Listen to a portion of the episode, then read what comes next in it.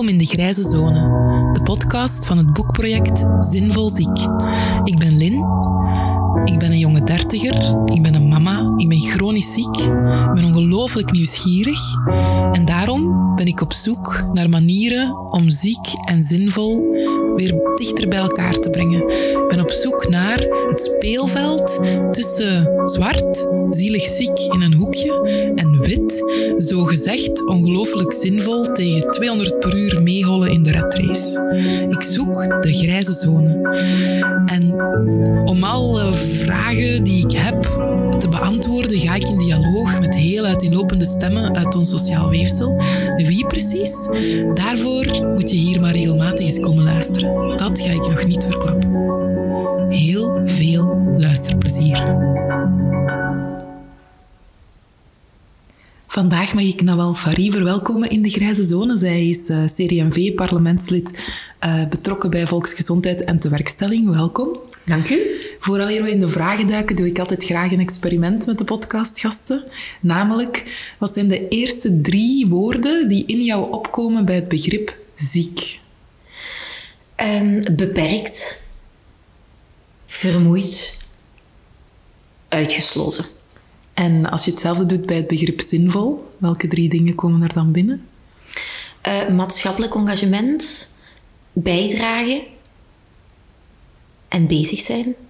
En als je die in één adem zegt, die, die twee zogezegde tegenpolen, zinvol ziek, wat krijg je dan van associaties? Um, dan denk ik voornamelijk aan um, uh, het vrijwillig engagement um, en een maatschappelijke bijdrage. Maar wel een veel positievere klemtoon, ja. Hm. Oké, okay, dank u wel. en hoe zou jij het huidige beleid rond langdurig zieken omschrijven? Ja, ik uh, weet dat er de voorbije legislatuur wel heel veel rond is gebeurd alvast. Hè. We weten dat uh, minister Peters zich uh, toch wel heeft ingezet op eh, de reïntegratietrajecten. Als ook is er vorig jaar een soort van pilootproject gelanceerd geweest rond preventie burn-outs. We zien toch wel dat er heel wat mensen helaas gevat worden door uh, burn-out en uh, depressie op het werk, laten we zeggen. Mhm. Dus ik denk wel dat er stappen vooruit zijn uh, die, die gemaakt worden. Maar ik merk vandaag wel, zeker als nieuwkomer in het federaal parlement, dat er eh, zeker nog wat drempels zijn, zowel langs werkgever als werknemerkant. Oké. Okay. En um, wat zijn voor CD&V dan de belangrijkste waarden en de belangrijkste doelstellingen op dit moment? Wel, voor ons is inclusie altijd heel erg belangrijk. Hè. We willen ervoor zorgen dat iedereen vooral solidair is uh, ten opzichte van elkaar. En in dit verhaal zou dat solidariteit vragen vanuit de werkgever vooral. Uh, maar aan de andere kant willen we ook iedereen een zinvol leven uh, kunnen geven. En wij weten uiteraard dat niet iedereen perfect is en iedereen heeft daar zijn be beperkingen in. maar we moeten er toch voor zorgen dat iedereen het gevoel gevoel van bijdrage in de maatschappij kan beleven en toch wel ay, kan gaan slapen met een goede gemoedsrust, waarbij ze kunnen zeggen van oké, vandaag heb ik iets goed gedaan, vandaag heb ik kunnen bijdragen. En dat moet kunnen op allerhande niveaus en op allerhande manieren. Oké, en als jij um, heel concreet, uh, bij wijze van spreken van vandaag op morgen iets zou mogen veranderen, welke maatregel zou je treffen? Wel, we zijn vandaag eigenlijk aan het werk aan een back-to-work engagement, een back-to-work voorstel. En uh, ik zelf heb uh, mij natuurlijk verdiept in de materie en ik heb toch wel gezien dat er heel wat mensen uh, nog steeds niet geraken aan de arbeidsduurwetgeving die vandaag is opgesteld. Het is zo dat je vandaag minimaal drie uur per dag moet werken of twaalf uur per week alvorens je terug aan de slag kunt gaan. Wel, ik vind dat een beperking die toch wel zeer hard en zwaar kan zijn voor veel mensen. Um, ik heb zelf uh, van dichtbij een ervaring meegemaakt bij mijn mama, die een beroerte heeft gehad. En ik merk dat nu, een jaar verder, ze nog steeds niet in staat is om drie uur aan een stuk te werken, omdat dat gewoon te veel prikkels zouden zijn voor haar en te veel stress zou uh, ja, uh, ja, op, opmaken bij haar. En toch zou ze wel een goede werkkracht zijn, al is het maar voor één à twee uurtjes. En dat zou ervoor zorgen dat zij hmm. langs haar kant haar engagement kan tonen en haar bijdrage aan de maatschappij kan vervolledigen. Maar ook dat de werkgeverskant toch wel een werkkracht heeft die zich flexibel kan inzetten. En uh, die twee volle uren zich uh, uh, ja, voor 100% geeft, omdat hij ook heel graag zelf natuurlijk aan het werk is. Hè. Mm -hmm. Er is niks erger dan een jaar lang thuis te moeten zitten na een uh, zeer lange carrière en een zeer succesvolle carrière. Want dan voelt je je gewoon aan de rand van de maatschappij en gewoon niet erbij horen. En dat is uh, zeer pijnlijk om mee te maken. En hoe, allee, in, ja, die flexibiliteit lijkt mij inderdaad echt nodig, maar hoe, um, hoe ziet CD&V dan de combinatie met uitkeringen? Wel, we hebben daar ook altijd op ingezet. Hè. Uh, de flexibiliteit rond uh, het behoud van de uitkeringen in combinatie met werk is een heel belangrijke voor ons. Hè. Uh, wij vinden dat iedereen stapsgewijs en op eigen tempo terug naar de arbeidsmarkt moet geleid kunnen worden. En flexibiliteit behoort ook tot hetgeen dat ik eerder heb verteld, die werkuren dat naar beneden moeten gaan, die drempels moeten verlaagd worden.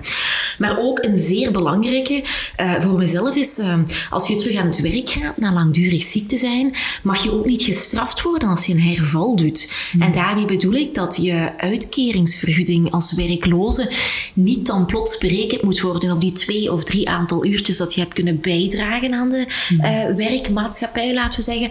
Maar dat je allee, uh, toch wel uh, terug naar uh, de eerste werkuren die je altijd als werknemer hebt gedaan, al dan niet fulltime of parttime, mocht herleid worden. Dat je uitkering daar nog steeds op berekend worden. Um, iemand die geëngageerd is om terug bij te dragen onze maatschappij moet uh, vooral bedankt worden en uh, zeker niet gestraft. Dus dat is wel iets waar ik ook heel graag als uh, nieuw parlementslid op wil werken. Oké, dat klinkt heel fijn. um, ja, in, ja die, dus die, groeiende groep van langdurig zieken, die wordt, allez, zeker als het in de media komt, hè, worden wij heel vaak gezien als een, een grote last ja. um, voor onze samenleving. Hè. We zijn met veel, we zijn duur, uh, we moeten terug um, geactiveerd worden. Maar ja, het falen van bijvoorbeeld bestaande reïntegratietrajecten um, doen uitschijnen dat ons zo snel mogelijk terug in die red race duwen, dat dat toch niet per se de oplossing is uh, voor, voor iedereen. Dus uh, zie jij nog mogelijkheden voor politiek om op andere vlakken actie te ondernemen? En dan denk ik aan mentaal welzijn, aan preventie, aan betere communicatie. Mm -hmm. ja. ja, ik kom terug op die pilootprojecten van Chris Peters. Hè. Er zijn uh, 50 pilootprojecten van start gegaan in 2019 rond preventie. In 2020 gaan er ook een aantal uh, terug van start gaan. Ik heb het correct cijfer nu eventjes niet bij mij. Maar dat wil wel zeggen dat wij actief bezig zijn en werkgevers sensibiliseren rond preventie burn-out. Niet enkel werkgevers, maar ook de werknemers. Maar enkel burn-out? Wel, uh, preventie die nu die pilootprojecten 2019 waren voornamelijk gericht op uh, burn-out, maar het gaat natuurlijk veel breder dan dat. Hè. Die reïntegratietrajecten die moeten ook, eh, zoals eerder vermeld, bij mensen die een beroerte of een andere langdurig ziekte hebben gehad. Hè. Ik denk aan kanker ook. Hè. Um, uh, dat, ze, dat ze terug in die werkmarkt kunnen geraken. Um, de, 2000, de, de, de pilootprojecten die in 2020 zullen plaatsvinden, zullen ook een veel breder uh, uh, segment hebben. Ze gaan ook uh, niet enkel naar de multinationals, maar ook naar kleine werkgevers trekken. En vanuit daar gaan wij hopelijk de voeding die we nodig hebben gebruiken om beleidsmatig juiste beslissingen te maken. Er is nog werk, hè? Mm. absoluut. En ik denk dat dat ook. Um, gevoeld wordt in het parlement. Ik zie dat heel wat mensen daar echt wel effectief mee bezig zijn. Als ik kijk naar de cijfers in 2018, 138.000 mensen die uh, langdurig ziek zijn geweest, dat is niet niks. Hè? En we kunnen er niet voor zorgen dat al die 138.000 mensen, als het er al niet meer zijn, uh, zich aan de rand van de maatschappij voelen. Ja, de cijfers nu zijn toch eerder uh, 430.000. Ja, ja, maar ze zijn ook een stijgende lijn, hè? Ja. absoluut. En, en, dat weet iedereen en iedereen is zich daar bewust van. Hmm. dus ik denk dat dat die onderzoeken zeker, zeker belangrijk zijn. Dat moet blijven uitgevoerd worden. Hetgeen dat u, u doet vandaag is ook van immens belang. Hè. We moeten dat blijven doen. Die, die dialoog tussen werkgevers, werknemers, de politiek, maar ook patiënten zelf ja, is heel erg belangrijk. Want ik, uh, wij nodigen wel altijd op hoorzittingen in commissie patiëntenplatformen uit. Um, maar ik denk dat daar toch wel de uitdaging ligt in dat meer te doen. Mm. Um, die patiënt die weet als best hoe dat het uh, voor hem of haar is verlopen. En ik denk dat we die uh, uh, opening toch wel moeten verbreden mm. en uh, misschien ook moeten vergemakkelijken. Hè. Vandaag is dat uh, vaak in raden van besturen die vrijwillig zijn opgesteld. misschien moet er ook wel een incentive tegen, tegenover geplaatst worden.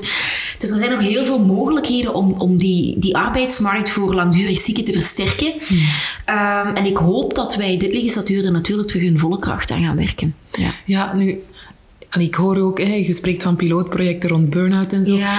Um, ja, ik zelf ben dan een chronisch pijnpatiënt die, ja, voor zover de wetenschap uh, er... Allee, daar een mening over heeft, nooit nog gaat genezen. En binnen die groep van die 430.000 zijn er zo nog wel wat.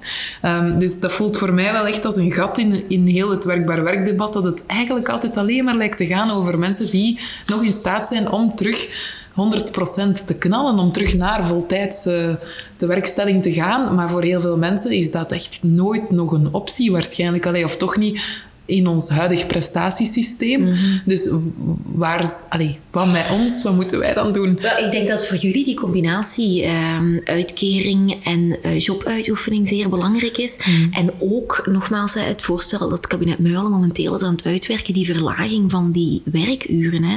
Ik denk, ehm, ik, ik, kan, ik, ik kan me natuurlijk ook niet in uw positie plaatsen, maar ik denk dat het voor vele mensen al aangenaam is om één, twee, drie uurtjes te kunnen uh, vertoeven in een werkomgeving en zich uh, mee in de groep te voelen, waardoor ze geen risico maken aan financiële vo voordelen en, en afstraffing.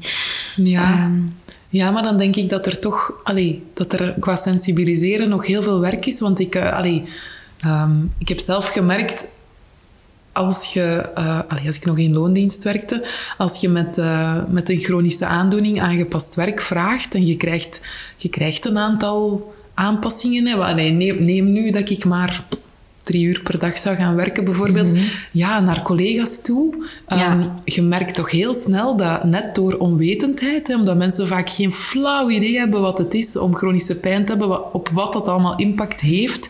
Ehm, echt verzuren. Zo van, hoezo? Waarom krijgt hij dat en waarom krijgt hij dat? Dus zolang, allez, zo, zolang dat daar niet genoeg dialoog over bestaat, dan denk ik, geloof ik daar eigenlijk niet in. In het feit dat mensen zich dan welkom zouden voelen met maar twee uurtjes per dag of zo. Of zich deel van de groep zouden voelen. Want dan, goh, tenzij je daar echt al een jarenlange carrière op hebt zitten, zoals jij vertelde bij je mama, hè, die, die dan, dan hebben mensen daar wel een begrip voor. Want, oh, een beroerte, en daar hebben mensen wel een idee van. En, ah ja, oei, hoe garme. En van daaruit, vanuit die sympathie, kunnen ze dan mhm. waarschijnlijk wel uh, empathisch zijn. Maar als jij uh, geconfronteerd wordt met echt een chronische diagnose die heel grillig en heel wispelturig is, en je moet dan um, ja, terug naar je oude job, maar op een heel andere manier en, en, en heel wisselvallig ook. De ene dag wel, de andere dag niet daar is niet zo, niet zo lang begrip voor bij mensen. Dus hoe zou je dat doen? Hoe zou je onbegrip uh, in de samenleving aanpakken? Ja, ik denk dat alles ook zijn groei en tijd nodig heeft. Hè. Ik denk dat we ook wel in een maatschappij zitten waar zeer veel verzuring leeft.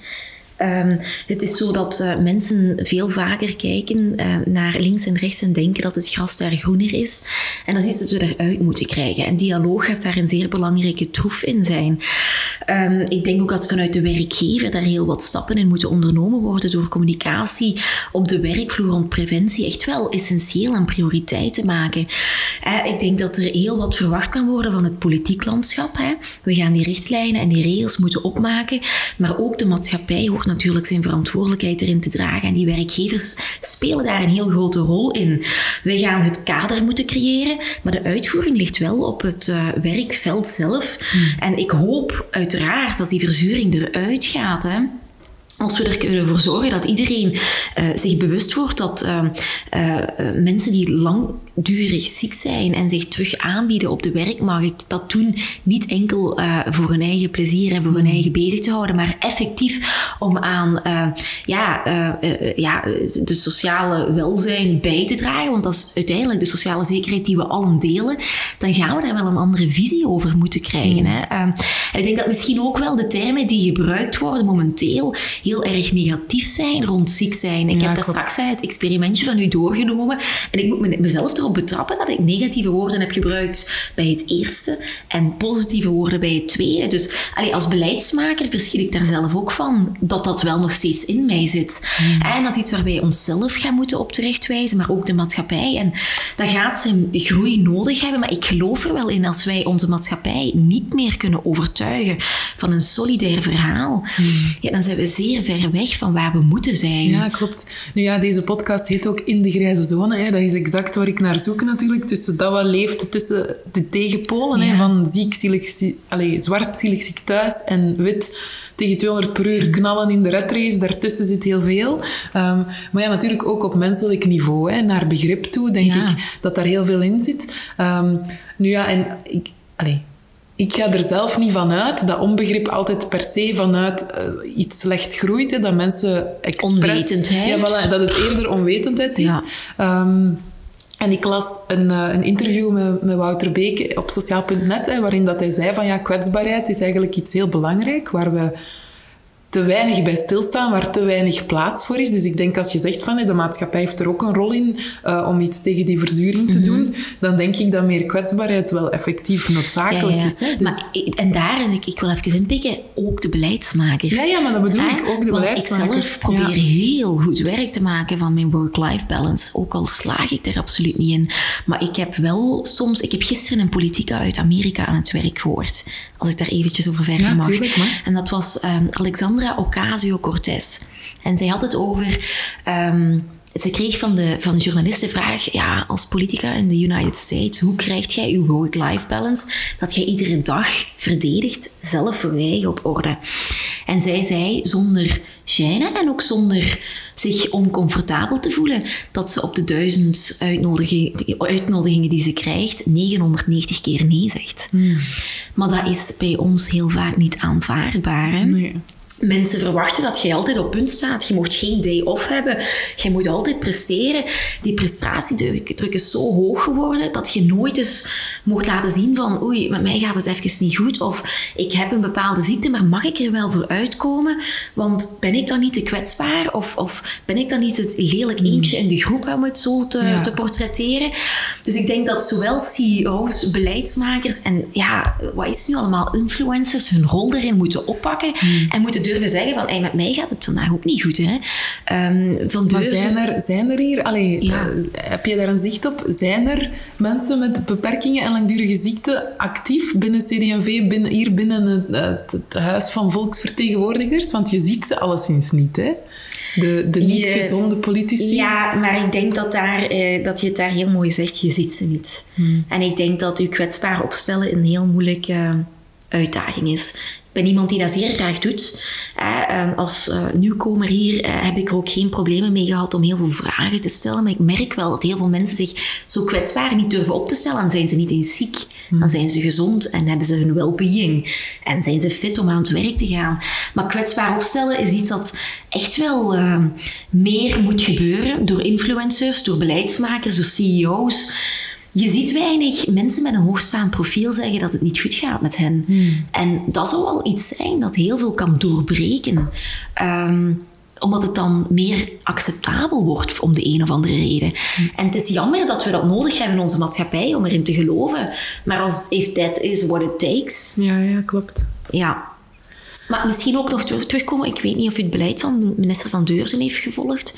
Eh, vorige legislatuur, Leven zonder filter.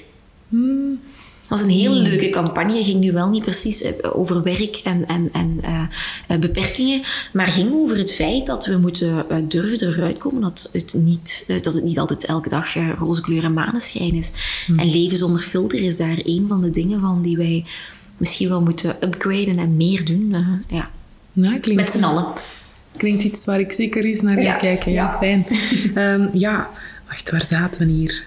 Ehm, ja, dus eh, ik, Luc Henault, algemeen directeur van GTB Vlaanderen, die pleit voor, voor eh, een aanpak die focust op empowerment hè, en dus veel minder op begrenzen.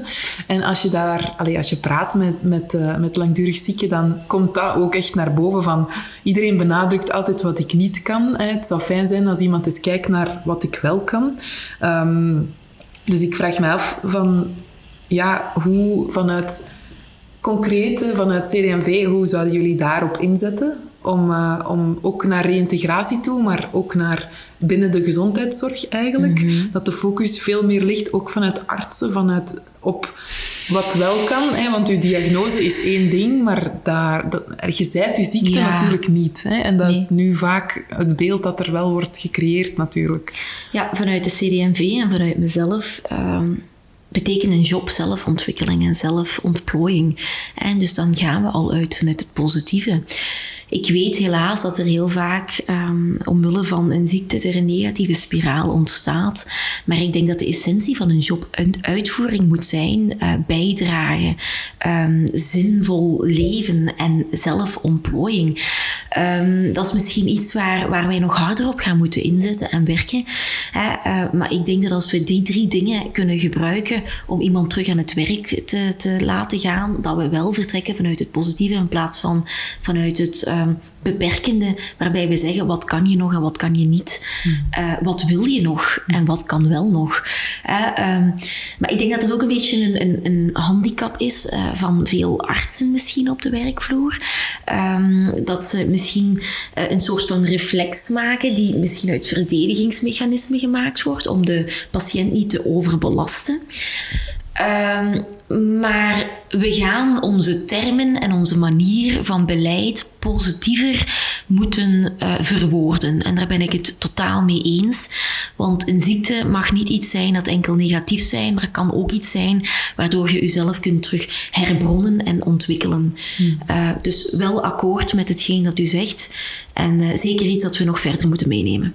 Oké. Okay. En um ja, en je zegt zingeving is iets heel erg belangrijk, maar als je kijkt naar, eh, ik denk dat het recent nog eens in de media was, hoeveel, allez, hoe, hoe, hoe klein het percentage is van zogezegd nog gezonde werknemers die vinden dat ze een zinnige job hebben, dat is zo klein. Hè? Er wordt heel veel mensen vinden van, ja, ik heb een bullshit job, dus die, die doen dan aan, allez, die vallen dan misschien niet uit, maar die doen ook niet echt nog hun best. Die zijn wel aanwezig, maar die doen niet echt veel. En in een debat... Um, voor de vorige verkiezingen in de zevende dag uh, zei uh, Neuhaus, CEO Injaas van Doorselaar, hij zelf, um, zelf dat, dat dat een groter probleem is dan het absenteïsme.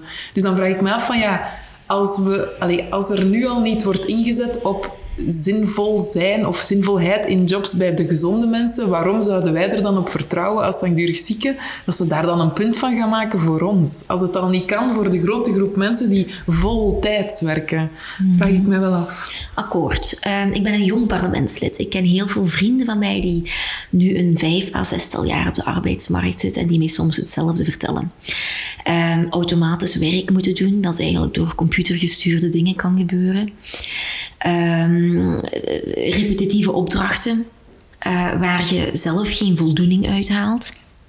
Ik denk dat daar werk ligt bij werkgevers en beleid om eventueel die repetitieve opdrachten effectief wel computergestuurd te laten doorgaan en de werknemers echt wel een job te laten uitoefenen waarbij ze de waarde um, mee kunnen bepalen en mee kunnen uh, upgraden vooral. Uh, ik ben vorige week stage gaan doen bij een dienstencheckbedrijf, omdat er heel wat rond uh, gebeurt. En die dame zegt tegen mij, ik had op een gegeven moment het gevoel dat ik ehm, niet bijdraagde. Wat doe ik hier eigenlijk? Ik was dan een beetje aan het poetsen en aan het koken, maar ik had, ik had thuis niet het gevoel van als ik thuis kwam na een werkdag dat ik iets had gedaan dat essentieel was.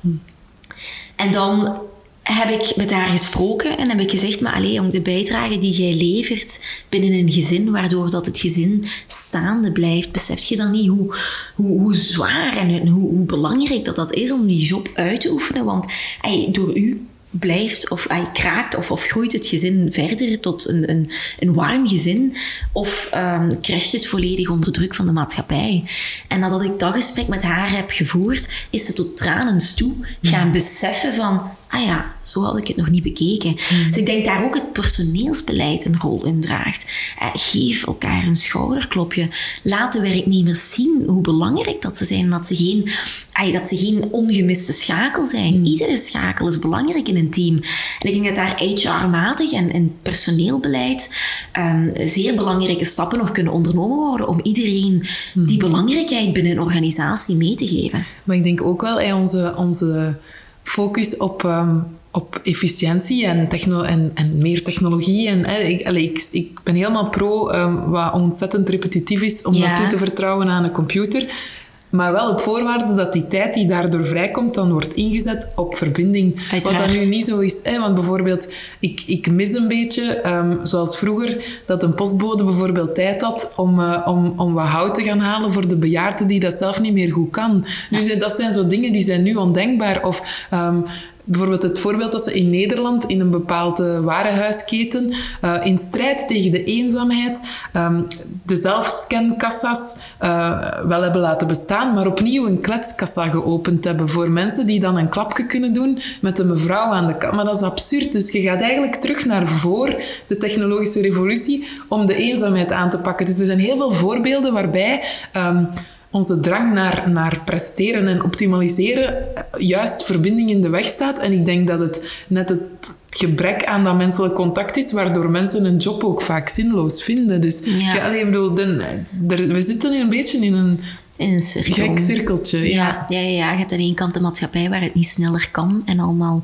met meer druk moet gebeuren. En je hebt aan de andere kant de emotionele kant van de maatschappij waarbij we inderdaad, hè, zowel jongeren als senioren, terugvinden in eenzaamheid. En dat is een heel groot debat en dat is een heel interessant debat, die ik zelf eerlijk gezegd nog niet volledig vat. Hmm. want hoe vind je die oplossingen daarvoor? Dat is echt geen evidentie. Hè? Je hebt, ik, denk, ik denk dat dat een heel grote uitdaging is waaraan gewerkt moet worden, maar waar ik vandaag, in all honesty, nog geen oplossing voor zie. Nee. nee. maar bijvoorbeeld, um, dat was dan, ik denk vorige week of twee weken geleden, um, stonden de kranten daarvan vol. Hè, dat, de, dat de NMBS bijvoorbeeld weer uh, treintoestellen gekocht heeft met de perronhoogte. En zwart, ik wil daar op zich niet op ingaan, maar het feit. Um, ja, voor mij lijkt het logisch dat er bijvoorbeeld een externe partij zou zijn die mensen met een beperkte mobiliteit begeleidt tussen en doorheen alle vormen van openbaar vervoer. Dus dan creëer je alweer jobs. Um, dat kan dan een organisatie zijn die deels door vrijwilligers wordt gerund en deels door mensen in mhm. loondienst. Maar dan zou dat niet de verantwoordelijkheid zijn van de NMBS tot aan de deur van de NMBS. En dan is het aan de lijn tot aan, tot aan de volgende stop. Waarom kan daar niet gewoon in worden samengewerkt en kunnen al die spelers daar dan financieel toe bijdragen dat mhm. zo'n werking goed gebeurt? Maar dan, dan dekt geen eens heel veel ladingen, want het menselijk contact met de mensen met een mhm. beperking is er. Want er is, er is, een, allez, er is een werking speciaal voor hen. Ehm, en de zichtbaarheid. Ik bedoel, die mensen zouden veel zichtbaarder zijn. En andere reizigers zouden daar denk ik makkelijker bij stilstaan. Mhm. Van, ah ja, ah ja, natuurlijk nemen die ook het openbaar vervoer, mhm. de, de manke mensen. hè? Dus Ik, ik, ik, ja, van, ja, het is wel zo, als je natuurlijk, zoals, zoals dat veel zieken, aan, inderdaad aan de zijlijn van het speelveld staat, kun je wel makkelijker zien waar het fout loopt. Dus dan denk ik dat wij als zieken Ehm, wel wat vaker een spiegel zouden mogen zijn als ze eens mogen vragen van waar zien jullie kansen? Want wij kijken wel vooral naar kansen. En ik denk, dat zou een voorbeeld zijn. Ja, ik vind het een heel mooi voorbeeld. Hè? Enkel denk ik dat dat misschien beleidsmatig wel voor uh, heel wat uitdagingen zou kunnen zorgen. Maar ik denk dat volksvertegenwoordigers daar ook een heel grote rol in dragen. Hè? Wij zijn eh, een mix en match van de bevolking. Wij kunnen al die problemen aankaarten. Wij kunnen al die nieuwe uitdagingen nieuwe kansen geven. En ik denk dat wij daar een heel grote rol in dragen. Maar um, daarmee kan ik niet beloven dat daar uh, uh, binnen vijf jaar een structuur staat waarbij we zeggen alle vereenzaming um, gaan we proberen te bestrijden aan de hand van het inzetten van meer mensen ik denk daar ook dat de maatschappij ook een bepaalde rol draagt. Dat de burgers meer zorg moeten leren dragen voor elkaar, net zoals vroeger. Ik herinner mij dat vroeger onze oma, als die vertelde dat ze naar de winkel moest gaan, maar er was maar één auto die gedeeld werd met twee buren. Dat is vandaag ondenkbaar. Ik, ik ken mijn buren bij wijze van spreken niet meer. Ik weet niet hoeveel kinderen dat ze hebben. Ik weet niet wie dat er precies in mijn straat woont. En je zijn toch allemaal dingen die wij als maatschappij helaas hebben veranderd omwille van de red race waar we in zitten, maar waar we zelf wel actie in kunnen ondernemen. ik denk dat wij als burgers daar natuurlijk ook wel uh, uh, in kunnen veranderen, mm. maar het kader, ik blijf erbij, dat moet gebeuren door politici en het uh, NMBS-verhaal is een zeer ongelukkig verhaal als u het mm. mij vraagt.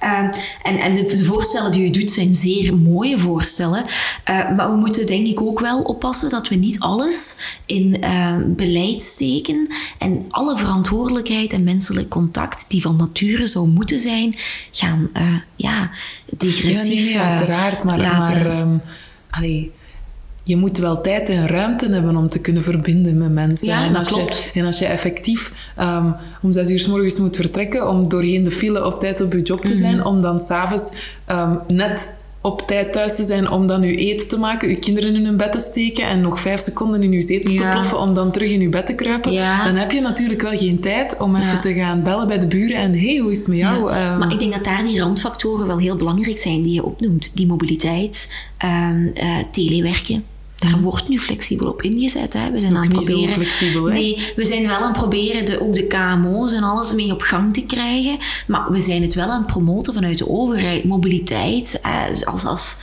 de route van uh, Genk tot Brussel, uh, mijn persoonlijk voorbeeld, dat is twee uur lang als we de auto nemen. Met de trein 1 uur en 55 minuten. Allee, optimaal is dat niet. Hè? Zorg er dan voor dat de mensen wel vanuit thuis kunnen werken. En dat gaat wel wat ruimte geven, want dat is op een dag vier uur tijd dat je verliest enkel en alleen door u te verplaatsen naar het werk. Hmm. Dus ik denk dat daar wel uh, zeker nog opties en, en, en, mogelijkheden en kansen zitten vanuit de overheid uh, om, om bedrijven daarin aan te sporen. Die randfactoren zijn zeer belangrijk. Uh, we zijn ook volop in, we hebben ook heel erg ingezet op. Het, het opvang, uh, opvangen van kinderen uh, na de werkuren, daar zijn premies voor. Dus we proberen wel natuurlijk uh, ons best te doen, maar ik snap uiteraard en ik zie ook dat het nog steeds een red race is. Hmm. En we gaan daar nog heel hard in moeten werken om dat eruit te krijgen. Ja. Um, akkoord, ja. Oké, en um, hoe kijk jij naar ervaringsdeskundigheid? Je hebt het daar straks al eventjes zelf aangehaald, dat er bijvoorbeeld um, uh, patiëntenplatformen betrokken worden, maar is die patiëntenstem al luid genoeg in de politiek? Um, dus als wij een voorbeeld, concreet een wetsvoorstel hebben in de Kamer die een direct effect zou hebben op patiënten, uh, dan hoor je toch wel vanuit verschillende Kamerleden dat ze advies willen inwinnen vanuit de patiënten zelf. Is oké. Ja?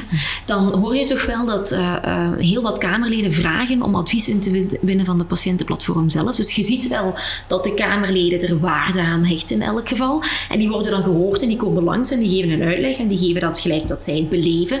Voor mij persoonlijk heel erg belangrijk, want ik ben echt on the field als politica. Uh, ik heb een voorbeeld gegeven, ik ben stage gaan doen bij om wat er problemen zitten. Ja, ik ga dan ook effectief luisteren naar die mensen. Dus ik denk wel dat die, dat die gehoord worden. Misschien nog niet over alle partijgrenzen even hard en even, uh, met evenveel impact. Maar ik ben al zeer blij om te zien dat ze uitgenodigd worden om hun adviezen mee te geven. Hmm. En het is dan aan ons als volksvertegenwoordiger om die te implementeren. En hopelijk uh, ja, gestemd te krijgen ook in onze wetsvoorstellen. Dus ja, zeer erg van belang. Um, en uh, hopelijk ook doordringend. in mijn geval absoluut. Maar ik hoop ook bij alle andere Kamerleden. Ja. Oké, en hoe kijk je naar um, ervaringsdeskundigheid bijvoorbeeld implementeren in onderwijs? Uh, want ja, dat is toch een van de dingen die je heel vaak hoort. Ik, was ik heb bijvoorbeeld ook een podcast opgenomen met Luc van Gorp, voorzitter van CM, die dan zelf verpleegkundige van opleiding is. En die zei van, ik heb in mijn opleiding wel geteld één enkele keer een ervaringsdeskundige gezien. En dat was een brandwondenpatiënt die dan heel extreem verbrand was. En die, die, uh, die kwam vertellen hoe dat was. En voor de rest werd ik enkel onderricht door de experten. Dus moeten we dan niet... Ja, wat feller hervormen. Allee, zouden dan de, de dokters en verpleegkundigen van morgen, maar evengoed de bedrijfsleiders van morgen, mhm. de politici van morgen, zouden die dan niet vanaf in eigenlijk al van in hun opleiding in contact moeten komen, juist met de, de kwetsbaren, dan zal ik maar zeggen, van de samen. Want dat gaat dan over alles. Ervaringsdeskundigheid in armoede, ervaringsdeskundigheid in ziek zijn, in pijn, in noem maar op. Ja, ik zou natuurlijk pleiten voor wel. Hè. Elke uh, beleidsbeslissing moet gebaseerd worden op mensen. Hè. En uh, het is enkel maar van die ervaringsdeskundigen dat wij het kunnen krijgen, die informatie. Hè. Ik kan mij vandaag niet inbeelden wat dat er bij mijn moeder in haar hoofd omgaat. En ze is heel dicht bij mij. Daar moet je gesprekken voor voeren, daar moet je tijd voor nemen. Ja, tuurlijk moeten wij die mensen horen. Dus ja, akkoord dat wij die misschien in een veel vroegere fase moeten implementeren. Ik denk ook dat het belangrijk is om alle raden van bestuur in, in verschillende instellingen en instituten een goede mix en match te voorzien. Hè. Zorg ervoor dat er iemand met een beperking mee in het bestuur zit. Zorg er ook voor dat er iemand uit minderheden, kansengroepen in het bestuur zit. Spreek je dan van quota? Um, wel, ik ben geen fan van de quota. En ik zal vertellen waarom. Ik vind dat de juiste man op de juiste plek moet zitten of de juiste vrouw daar moet zitten. Dus ik zou het niet richten op quota, maar ik zou wel echt wel een punt maken van een goede mix en match. Hmm. En ehm, een goede mix en match is niet enkel uh, terug te vinden in uiterlijke en fysieke kenmerken, maar ook in het hoofd. Hmm. Uh, dus mm, geen quota, maar wel ehm, verschillende ervaringen mee aan tafel om op die manier tot goed beleid te komen. Oké, ja. Um, ik las, ja, ik heb, het al, ik heb het al aangehaald, denk ik, het interview van, uh, van Wouter Beke in sociaal.net. En um, daar spreekt hij van dat er 550 miljoen euro um, vrijkomt voor echt nieuw beleid. Enig idee wat je daarmee bedoelt? Wel, Wouter Beke is nog maar uh, sinds oktober effectief van start gegaan. Mhm. Dus ik denk dat hij volop nu bezig is met dat beleid uit te schrijven. Ik heb daar vandaag nog geen informatie over. Eh, het beleid welzijn is, is, op Vlaams niveau wel altijd zeer scherp gesteld geweest en uitdagingen geweest. Ik denk dat voormalig minister Van Deurden daar ook wel heel wat stappen heeft gezet. Mhm. We zitten wel in een periode van besparingen, dus het gaat een uh, immense uitdaging worden om die zorg te garanderen aan mhm. iedereen. Uh, maar we zijn wel een partij die de mens centraal zet. Dus ik hoop dat ook te zien terugkomen bij mijn collega Beke. Ja, heb jij zelf al, want allee, de, er, is, er is een heel erg concreet zorgmodel dat nu voorges voor, voor, voorgeschoven wordt in een boek Goed Ziek. Heb je het al gelezen? Nee, dat heb ik nog niet gelezen verplichte lectuur zou dat moeten zijn voor, alle, voor alle politici. Um, dat is geschreven door Riede Ridder. Die is twaalf jaar lang topman van RISIF geweest. En daarvoor, die heeft ook, op, heeft ook op uh, kabinet Frank van den Broeke gewerkt. Ja. Je mag die gerust een gezondheidsexpert noemen. Ik heb met hem ook gesproken.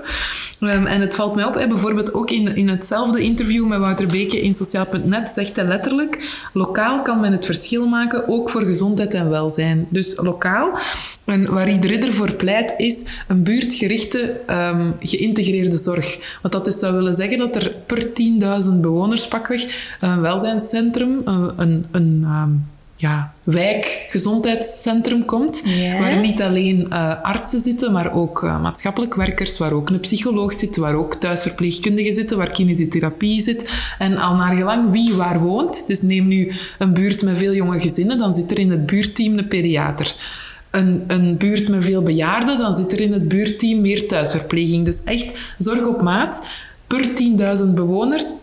En dan die verschillende uh, buurtgerichte uh, systemen worden dan weer door een uh, regio-coördinatie um, uit, allez, um, geregeld. Mm -hmm. En die, regio, die regioposten die krijgen dan vanuit federaal, allez, vanuit overheid de financiën.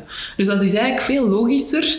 Um, en eh, dan zet je automatisch ook veel meer in op preventie. Want natuurlijk, als je zo dicht bij de mensen thuis bent, zie je veel sneller wanneer mhm. het misgaat. Mm -hmm. um, en als bijvoorbeeld iemand bij de huisarts komt met uh, insomnia, ja. maar blijkt dan dat hij een probleem heeft met zijn huisbaas of dat hij een probleem heeft met zijn huisvesting, dan zit de maatschappelijk werker de deur ernaast. Ja. Dus allee, dat is het klinkt zo logisch dat het absurd is dat het nog niet bestaat. En daar lopen nu blijkbaar twaalf... Ik als burger weet daar niks van. Er lopen twaalf proefprojecten. Dat gaat over 25% van de Belgische bevolking en ik had er nog nooit over gehoord. En jij als politica, wist je dat het bestaat? Ik weet dat het bestaat omdat wij inzetten op centraliseren van uh, uh, ja, zorgberoepen. We willen die bereikbaarheid lokaal uh, verhogen. En we willen ook voor zorgen dat niet iedereen van ja, deur tot deur wordt gezonden. wij zien heel vaak dat, vooral als het gaat over mensen in kansengroepen, dat die bereikbaarheid zeer erg belangrijk is. Um, en ik denk ook dat het belangrijk is om, om al die mensen in één huis te hebben. Hmm. Om zo ook het dossier zeer goed op te volgen. Want het is zo, zoals gezegd. Hè? Iemand komt binnen met insomnia, maar de maatschappelijk werker weet dat er meerdere factoren spelen. Mhm. En daardoor kan dat dossier een beetje multidisciplinair aangepakt worden. Dus ik ben zeker voorstander van, uh, van het centraliseren en het bij elkaar brengen van al die beroepen. Ik denk dat we daar als burger ook baat uit gaan mhm. kunnen halen. Maar ik heb het boek nog niet grondig genoeg gelezen om daar een heel goede visie rond uh, uh, te bepleiten. Maar ik ga dat zeker doen. Mhm. En ehm, die twaalf proefprojecten die lopende zijn. Um, die zal ik ook nog eens opvolgen. Maar ik weet in elk geval dat wij als partij ook wel uh, pleiten voor het centraliseren van uh, Ja, want dat, dat, model zal dan natuurlijk ook gepaard gaan met een ander betalingssysteem. Dat is dan forfaitair en niet zoals nu een gezondheidszorg die eigenlijk baat heeft bij zieke mensen. Want... Um, ik denk dat er... Wacht, hè, hoe zat het juist? Ik denk als je nu geconfronteerd wordt met chronische aandoeningen, dat je gemiddeld uh, in contact komt met zo'n 17 um, uh, professionals en instanties. Dat is waanzinnig belachelijk. Mm. Allee, ik bedoel, dus...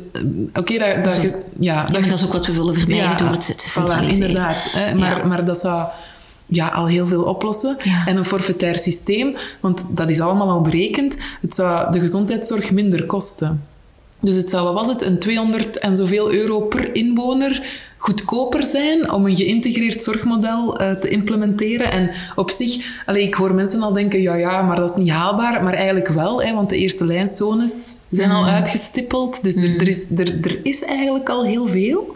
Mm. Um, maar ja, dat zou wel betekenen dat natuurlijk uh, artsen ook, en andere zorgverleners op, ook op een andere manier zouden worden betaald. Namelijk per maand, een vast bedrag. En niet zoals nu, met ereloonsupplementen mm en noem maar op. Dus ik denk dat de grootste saboteurs degene, voor zo'n systeem degene zijn die daar nu het meest bij te winnen hebben. Het feit dat wij eigenlijk leven van wie ziek is, in plaats van uh, voordeel te halen uit mensen gezond houden, wat ja. dan nu niet zo is. Dus hoe kijk jij daarnaar?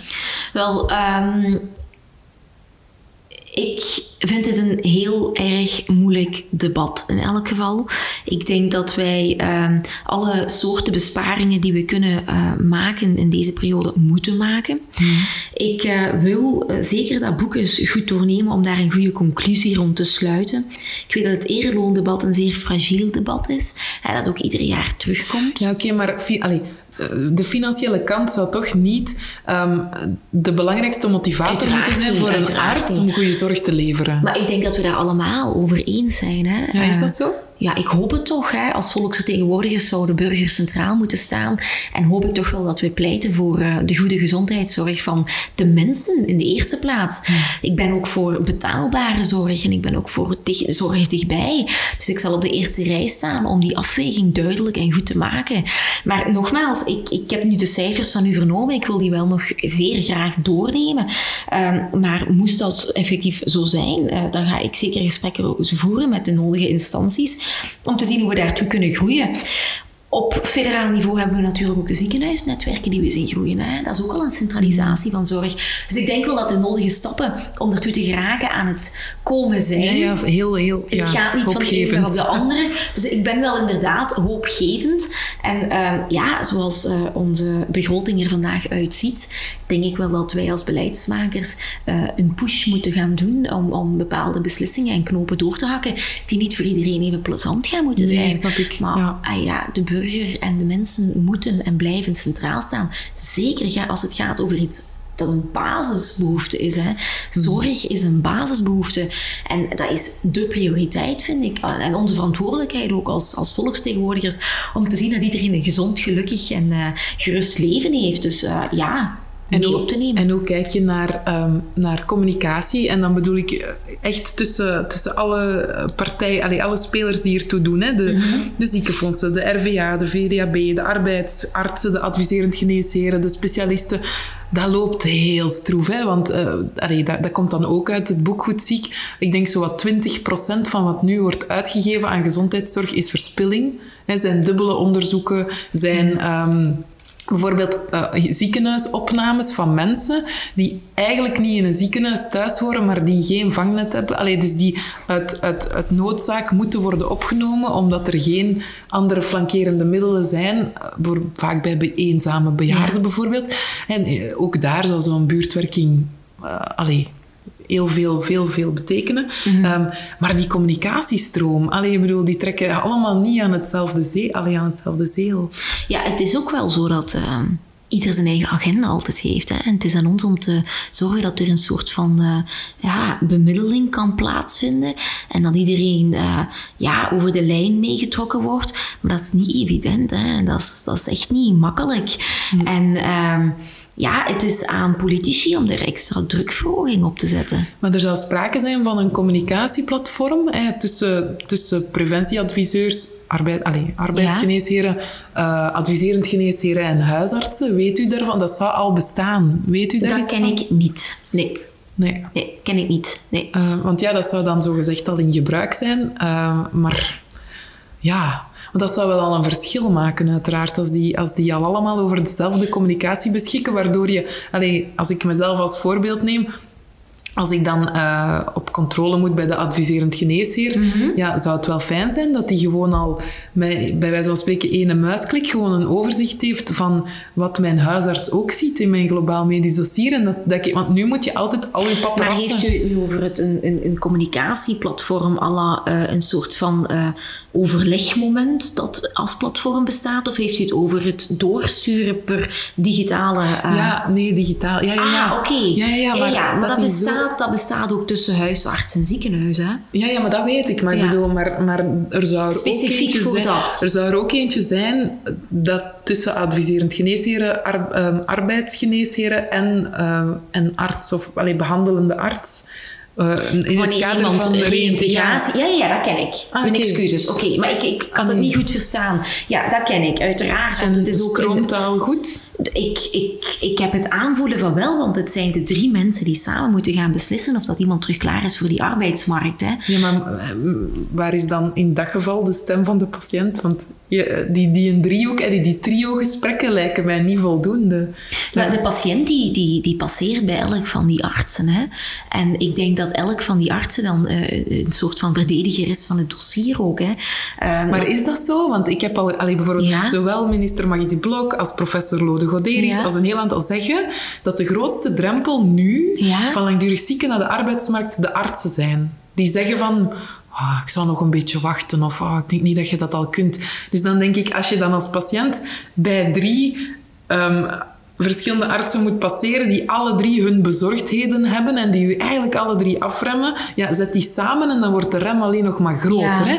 Dus ik bedoel... eh, dat- Ik snap wat u ja. bedoelt, ja. En ik, ja, ik denk dat daar vooral eh, weer al werk gaat gemaakt worden van die extra fle- flexibilisering. En dan gaat die arts misschien wel het reflex hebben om te zeggen van oh, maar het kan nu wel voor een uurtje per dag. En het kan nu ook wel voor twee uurtjes per dag. Dus we nemen geen risico. En daarbuiten, nogmaals, die uitkeringsstraf dat er nu precies zo wat heerst. Hè. Ah, maar als ik die patiënt terug twee uurtjes ga laten werken, dan wordt de volgende keer zijn werkloosheidsuitkering berekend op die twee uurtjes. Daar hebben we geen baat bij. Die duwen we dan in de armoede. Dat gaan we niet doen. Dus ik denk dat daar beleidsmakers wel nog eerst een kader moeten gaan vormen om ervoor te zorgen dat ook de arts meer geneigd is om positief te kijken naar een dossier. Ja. Vandaag kijken ze vanuit de angst. En, en het is eenmaal zo dat in Vlaanderen heel wat mensen aan de armoedegrens zitten. Ze willen die risico's niet nemen en ik begrijp dat als arts. Dat is een patiënt Zeker als huisarts, waarvan je het dossier meestal volgt van kind tot aan senior. Ja, je wilt die mensen het niet nog moeilijker maken dan ze het hebben. Hè? Dus daar denk ik wel dat u gelijk heeft met... Het is een rem en een blokkage die, die een patiënt iedere keer terug te, tegemoet komt. Hè, terwijl die echt wel wilt gaan werken. Ehm, en, en uiteraard volgt eruit dat wij veel meer een flexibel kader gaan moeten creëren. En ook moeten ervoor zorgen dat terug gaan werken nooit tot een straf kan leiden. Nee, dat het loont. Ja. Dat het altijd loont. Ja. Oké. Goed. Als jij nog ehm, een persoonlijke boodschap mag meegeven aan de groep langdurig zieken, wat zou dat dan zijn? Ehm, ik ga heel eerlijk zijn. En dat is dat ik ehm, één mama, en eh, ik heb maar één mama natuurlijk, hè, dat ik mijn mama van dichtbij heb gezien. Een zeer succesvolle, ambitieuze dame. En die eh, plots eh, ja, een stop heeft moeten maken aan haar carrière. En daarnaast ook nog een heel goede vriendin van mij heb gezien, die altijd onder chronische pijn leeft. En ehm, dat heeft wel gezorgd voor extra bewustwording. En ik probeer dat zo goed mogelijk mee te pakken beleidsmatig, ehm, om daar de juiste beslissingen in te nemen. Maar laat vooral duidelijk zijn dat ik als volksvertegenwoordiger ook bereikbaar ben tot gesprekken met eh eender wie die expertise daarin heeft. Het zij als patiënt, het zij als ervaringsdeskundige, ehm, aan de andere kant van de zijde eh, als arts. Ehm, geef ons voeding om de juiste keuzes te maken en eh, wij nemen het graag mee. Dus deel je verhaal eigenlijk. Uiteraard. Wees er zo open over eh, als het kan en durf uzelf kwetsbaar op te stellen, want het is nodig. Oké. Voilà. Heel erg bedankt. Graag gedaan. Ik hoop dat je er iets aan hebt gehad.